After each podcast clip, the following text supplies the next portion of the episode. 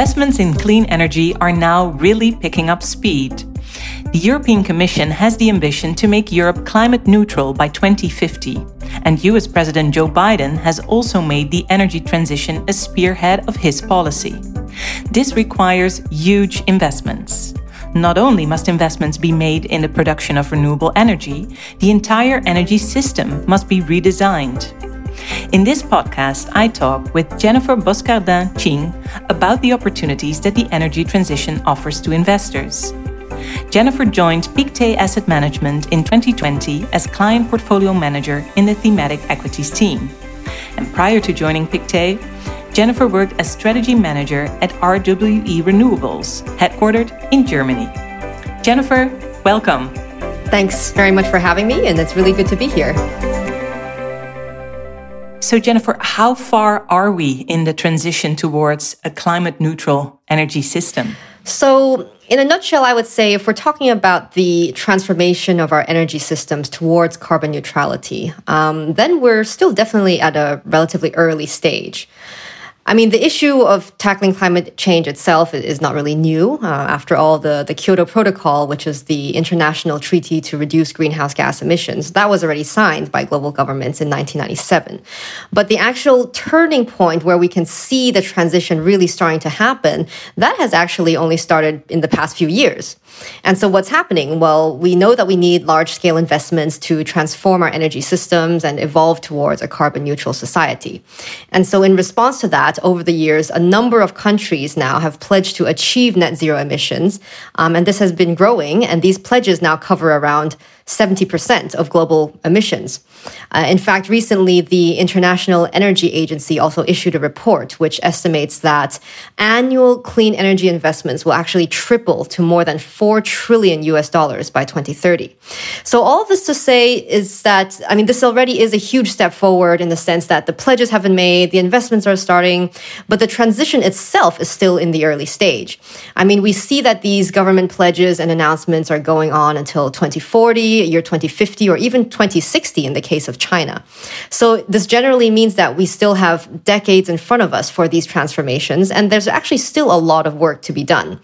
Um, we saw already in the last few years, of course, there has been the, the rollout of renewables that has been accelerating in certain regions of the world, but that's actually just one part of the picture. That's maybe one of the more obvious parts. There are many other parts of the energy system that will need to be disrupted and transformed, like in the transport sector sector, for example, um, with the massive electrification wave that we're going to go through with the rise in electric vehicles. So this will lead to a transformation in other parts of our energy system as well. So, so to your point, indeed, the importance of renewable energy has been emphasized for decades, but it seems that the energy transition is only now really gaining a momentum. What do you think caused this? Uh, yeah, indeed. Actually, I would say what has really changed uh, from decades ago until now, it's really definitely the, the innovation and the technology developments over the last years, which has actually been a fundamental game changer for the clean energy theme. And this will continue to be a, a game changer. So the reason why we see this turning point really only happening recently instead of 20 years ago is because this type of innovation and technology developments has actually led to a remarkable drop in the cost of clean energy technologies over the past years to the point where they are increasingly economically competitive today. So just as an example, the, the cost of solar energy has dropped by about 80% over the past 10 years. And even now, if we're looking at the cost of batteries, for example, this is going down at an even faster rate. So there's basically been a fundamental shift where these clean technology solutions that were not competitive a decade ago, or they relied too much on government subsidies, are now today some of the most cost competitive solutions out there. And so this is an important development because effectively now everything makes sense. Maybe before, from an environmental and health perspective, clean technologies were very necessary and very desirable, but there was no economic incentive to use those technologies because they were so expensive. But now we have that incentive and and in many parts of the world today, renewables are the cheapest form of electricity generation. So this is probably one of the largest tra- the changes that we see is that these clean energy technologies won't be so dependent on government policies or subsidies in the future, but actually can grow fully on their own due to just competitiveness. Right.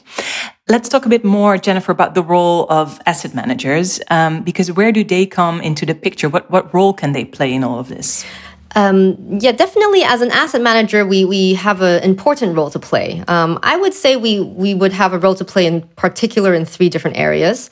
Um, our first role is really linked to seeking those opportunities. So this is really about investing in the solutions or the companies that will really contribute towards and benefit from the energy transition.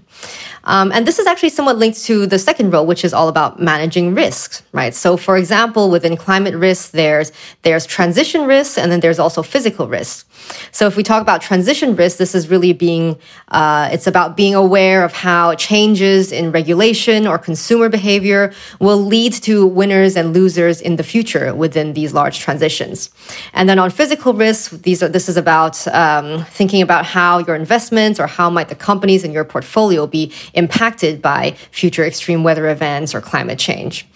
And then finally, I would say, as the third point, um, as an asset manager, I think it's also important to practice engagement with our companies. Uh, in order to practice good stewardship, it is our responsibility to engage with the companies as shareholders in order to positively influence their ESG performance and to also ensure their long term financial sustainability. Right. Now, the, the, clean energy investment universe is often narrowed down to simply renewable energy. But my understanding is that the investment universe is maybe wider than that, right? Oh, definitely so. Um, yeah, well, we define the clean energy universe to be definitely much broader than uh, renewable energy. And that's because we take a comprehensive view of the transformations that would be needed across the whole energy system from the way we produce energy to the way we use it. So, in simpler terms, basically all the way from supply to demand. And so, within this whole energy universe, there are whole energy systems, well, there's actually quite a few different categories which I can I can describe. Um, so, maybe the most obvious part, as we mentioned, there's the supply part where you have renewable energy. So, for example, uh, offshore wind and onshore wind and producers sources of solar energy. Um, and these are the companies that, or the, the, the, the themes that we would usually think about immediately. But then also on the demand side, there's actually a lot of things that need to be done and a lot of opportunities. Um, and this part is really related to energy use. So it's about reducing energy demand and becoming much more efficient in the way that we use our energy. And here we see opportunities in a broad range of sectors. Um, there's the manufacturing sector, for example, where we are seeing efficient manufacturing solutions come up, uh, for example, through advanced simulation software that can really help the manufacturing process to become much more resource and energy efficient. Demand also touches on buildings uh, to reduce energy waste in residential or commercial buildings by installing insulation, using much more energy efficient lighting, or switching from old appliances to newer and much more energy efficient ones. Uh, there are also a couple of other categories. There's a category we call enabling infrastructure, which refers to networks, smart grids, charging infrastructure, and all those transmission and distribution lines that we see out there that tie the whole energy system together. And then finally, I would also say there's a category that we call enabling technologies, which consists of um, technologies such as battery storage and, and power management semiconductors, which are actually really critical to accompany the transition to a low carbon economy. So just again, as an example, large large scale batteries are increasingly becoming a competitive solution towards smoothing out the kind of intermittent electricity generation of renewable energy. So as renewable energy grows, um, batteries will also experience a large growth alongside that, in addition to their use as well in electric vehicles. Yeah. So, so talking about those electric vehicles, uh, we definitely see electric cars gaining momentum at the moment. Uh, is it an important theme within the clean uh, energy universe? Uh, in a nutshell, yes. Uh, mobility and transport is definitely an important, let's say, a, a sub theme within the clean energy theme, right? And so here we are referring mostly to to electric vehicles, electrification of transport, um, and then just now, as I described in the investment universe, we don't only look at, let's say, producers of electric cars, right? But we really look also at the companies producing uh, electric motors or other components, smart car technology such as light detection and ranging, or even car charging infrastructure. So, uh, in this part, an important part actually of e-mobility uh, for us lies within the segment of enabling technologies, where we have power semiconductors, which are really critical for electric vehicles. So all in all, it's to say that it's really about being able to understand and invest in the whole value chain and to really look for the best opportunities there. Mm. And in which of the fields you just mentioned do you currently see the most potential for investors? Well, I would say at the moment um, we are particularly particularly excited about e-mobility, as I just described, and the opportunities that will arise there. Because I mean, just considering how this year, just this year, some of the major car manufacturers such as Volkswagen, BMW, General Motors, I mean, they've all committed their businesses towards electric vehicles in the future. So this will lead to compounding growth all across the electric vehicle value chain over the next years from, from semiconductors to electric motors to charging infrastructure, as I had described earlier.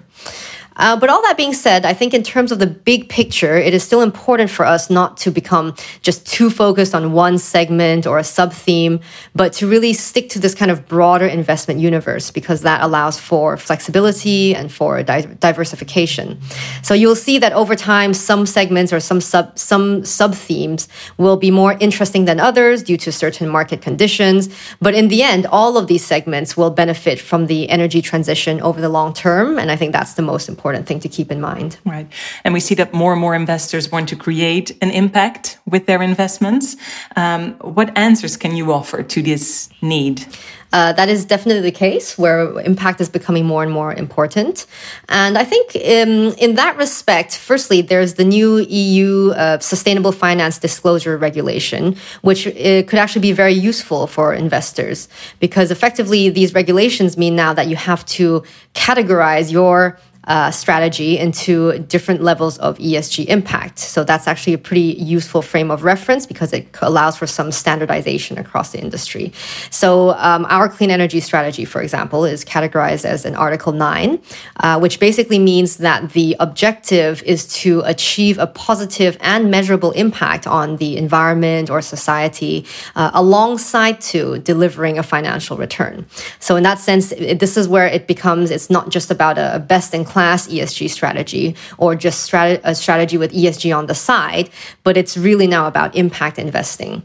Um, and of course, furthermore, in addition to that, we, we deliver impact reports. We provide our clients with details on the types of ESG engagements that we do with our companies. So all in all, being able to, to measure and report on impact is actually also a very important part of what we provide to investors. Okay, we're, we're almost already at the end of this interview, uh, Jennifer. Uh, but let's just look ahead uh, for a moment. What are the key trends that we should look out for in the near future? Uh, yeah, that's a that's a very interesting question. I think within the clean energy space at the moment, uh, the prospects of green hydrogen is actually very exciting.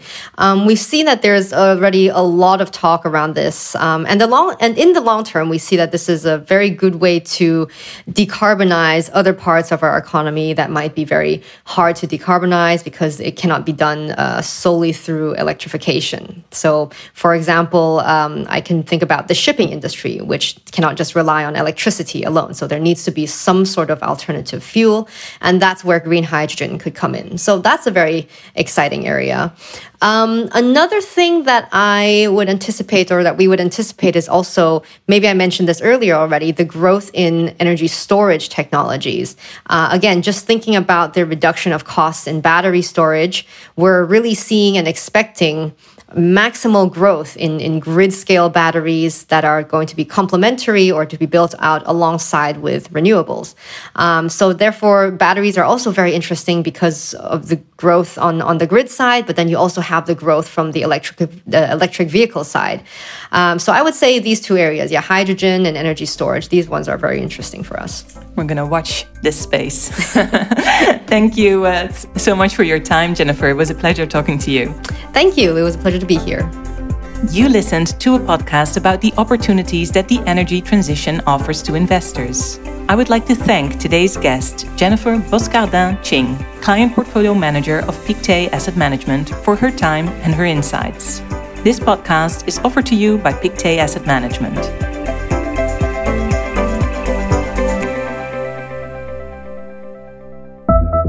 This marketing material is for professional investors only. It is prepared by Pictet Asset Management Europe SA. Address Herengracht 456, 1017 CA Amsterdam. However, it is not intended for distribution to any person or entity who is a citizen or resident of any locality, state, country or other jurisdiction where such distribution, publication, or use would be contrary to law or regulation. Information used in the preparation of this document is based upon sources believed to be reliable, but no representation or warranty is given as to the accuracy or completeness of those sources. Any opinion, estimate or forecast may be changed at any time without prior warning. Investors should read the prospectus or offering memorandum before investing in any Pictet managed funds. Tax treatment depends on the individual circumstances of each investor and may be subject to change in the future. Past performance is not a guide to future performance. All forms of investment involve risk. The value of investments and the income from them can fall as well as rise and is not guaranteed. You may not get back the amount originally invested. For information about personal data protection, please refer to the Pictet Group's privacy notice, available on our website, am.pictet.